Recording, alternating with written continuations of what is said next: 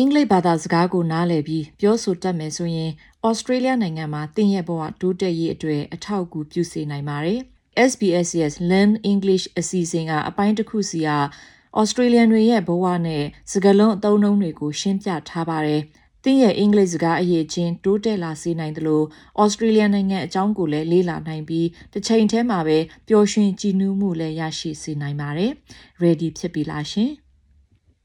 သင်ခန်းစာ7မှာတော့အလုပ်အင်တာဗျူးအတွက်ပြင်ဆင်ခြင်းအကြောင်းကိုလေ့လာရမှာဖြစ်ပါတယ်။အဲ့ဒီအလုပ်ကသင်ကြိုက်တဲ့အလုပ်ဖြစ်မယ်လို့မျှော်လင့်ပါတယ်။သင်ကြိုက်တဲ့အလုပ်ကိုရွေးချယ်မယ်ဆိုရင်တရေမှအလုပ်သွားစရာလိုတယ်ဆိုတာမျိုးခံစားရမှာမဟုတ်ဘူးဆိုတဲ့စကားရှိပါတယ်။ဒီသင်ခန်းစာကတော့အလုပ်အင်တာဗျူးအတွက်ပြင်ဆင်နေတဲ့လူတွေအတွက်ဖြစ်ပြီးသူတို့ရဲ့အင်တာဗျူးစွမ်းရည်ကိုစမ်းကြည့်ချင်တဲ့လူတွေအတွက်လည်းပါဝင်ပါတယ်။ Learning English helped me to get a better job. Hi, welcome to the SBS Learn English podcast, where we help Australians to speak, understand, and connect. My name is Josipa, and I know what it's like to learn English as a second language too. Today, we are learning how to talk about ourselves during a job interview. I was invited to a panel job interview when I applied for my current job. A panel interview is when two or more interviewers interview you at the same time. The whole experience was less stressful because I came prepared. I had learned some buzzwords and practiced talking about my professional experiences. Buzzwords are words or phrases that are trendy and important in a specific context. They tend to change over time as times change. We'll hear plenty of job related buzzwords in this episode.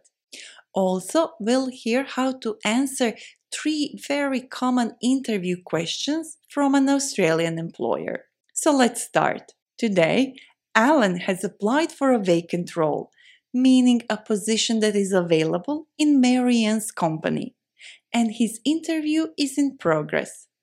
Let's hear how he answers Marianne's first question. So, Alan, what prompted you to apply for this job? Oh, well, I applied for this job because I really value what your company does. Also, I feel my skill set is a perfect fit for your team.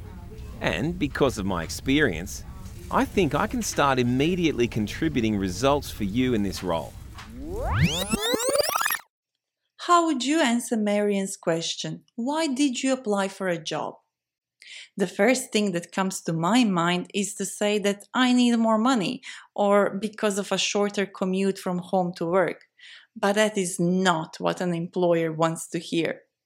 Employers want to hear that you are excited about sharing your skills, contributing to the company's success, and furthering your career.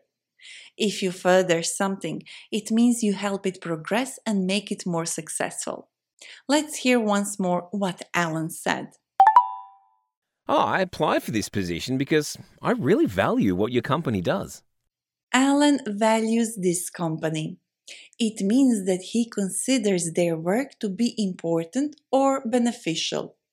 And that's exactly what his future employer wants to hear. However, Alan's answer could be even better if he gave an example of something the company does and explained how his professional skills align with those values. Company values are the core principles and beliefs that drive business and its employees. And when you align with those values, it means you agree with them. Let's say that in the job description for the job I'm applying for, there's an emphasis on, um, let's say, team leadership and project management. I could say, this job is an opportunity for me to continue building my leadership and project management skills, and these will help further my career. And then I would give specific examples of my soft skills and hard skills relevant for the job. By the way, soft skills are also known as interpersonal skills or people skills, like communication, optimism, flexibility, being a team player, and so on. Hard skills are abilities that you can measure, such as technical, practical skills, like the ability to use computer programs. Now, let's hear the second part of Alan's answer one more time.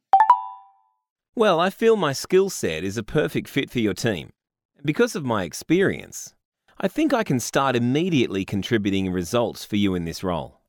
Alan feels his skill set is a perfect fit for the team, and because of his experience, he thinks he can start immediately contributing in this role. Again, this is a great answer that could be even better if you give specific examples of your experience.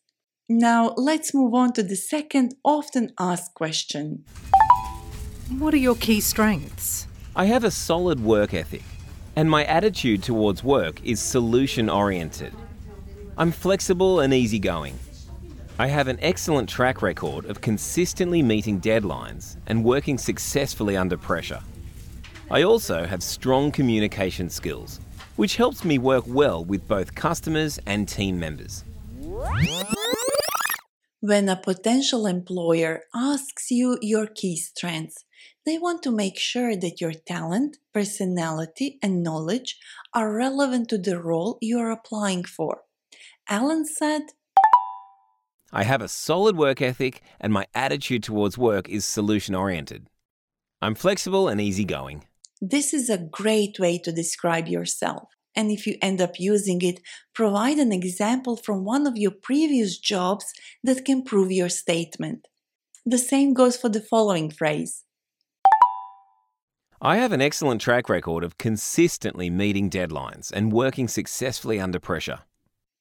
Every employer wants to hear this, but these phrases won't impress them much unless you can provide a specific example of exactly how you consistently met deadlines and work successfully under pressure. So it's a good idea to think about your top three strengths and real life examples before going to the interview. The final question we are going to look at can be very challenging to answer. What are your biggest weaknesses? I'm the biggest critic of my work, and this sometimes means that I can find it difficult to let go of a project. I could always find something that I could improve. To help myself become more realistic, I've started to give myself deadlines for revisions so that I don't keep changing things right up until the last minute. So I became more proactive about changes rather than waiting until the last minute. Well, Alan's answer didn't sound like a weakness to me, and that's the trick. Alan chose to talk about a weakness that actually demonstrates that he is responsible and capable of helping the company to avoid minor mistakes. What Alan did is he found a positive way to talk about his weakness Another way we can answer this challenging question is to mention a weakness that is not essential for the job we are applying for. Let's say Marian applied for an accountant role in a small family company. She could answer the question about her biggest weakness like this I'm terrified of public speaking. While I don't need to do public speaking in this role, I still feel that it's an important skill. So I enrolled in a public speaking course and I'm currently in training. Marian mentioned the weakness that wouldn't prevent her from performing well in the role she's applying for. It's time we speak with our guest. As the head of language content, Davide, you've been a part of many panel interviews here at SBS. Are job interviews in Australia any different from, let's say, Europe or Asia? A little bit, yes. In Australia, interviews can be pretty informal. The atmosphere is usually somewhere between friendly and professional. Also, here, you can feel free to address your potential manager or boss by their first name instead of calling them sir, madam, or similar. What would be your number one tip for a successful performance? Come prepared. Your answers need to address the skills mentioned in the job description with uh, specific examples and show that you are a good fit for the company, its values, and know something about the organization you want to join. Also, it's great if you can be relaxed, or at least uh, overcome your nervousness and uh, try to read the room so that you can communicate more efficiently. Read a room. Sorry, but what does that mean? Well, to read a room means uh, assessing your audience, understanding the general mood of the people in the room, what they want to know, and how to engage them. As I said, job interviews can be quite informal here, so sometimes it's appropriate to tell a joke or to have a laugh with your future employer.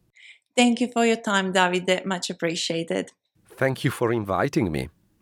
Now let's revisit the phrases we used in this episode. We have plenty to go through. See if you can remember the meaning of these words before hearing the answers. What are soft skills in a working environment?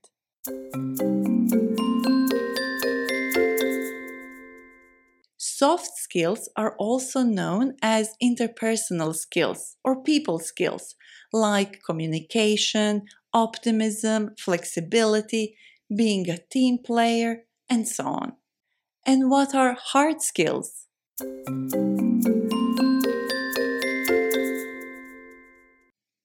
Hard skills are abilities that you can measure, such as technical, practical skills, like the ability to use computer programs. We also heard different phrases we can use when talking about ourselves during a job interview. Well, this job's an opportunity for me to continue building my skills and further my career.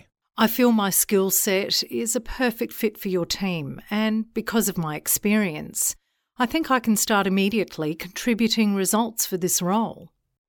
I'm flexible and easygoing.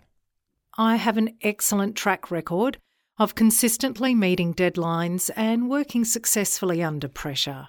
I have a solid work ethic, and my attitude towards work is solution oriented.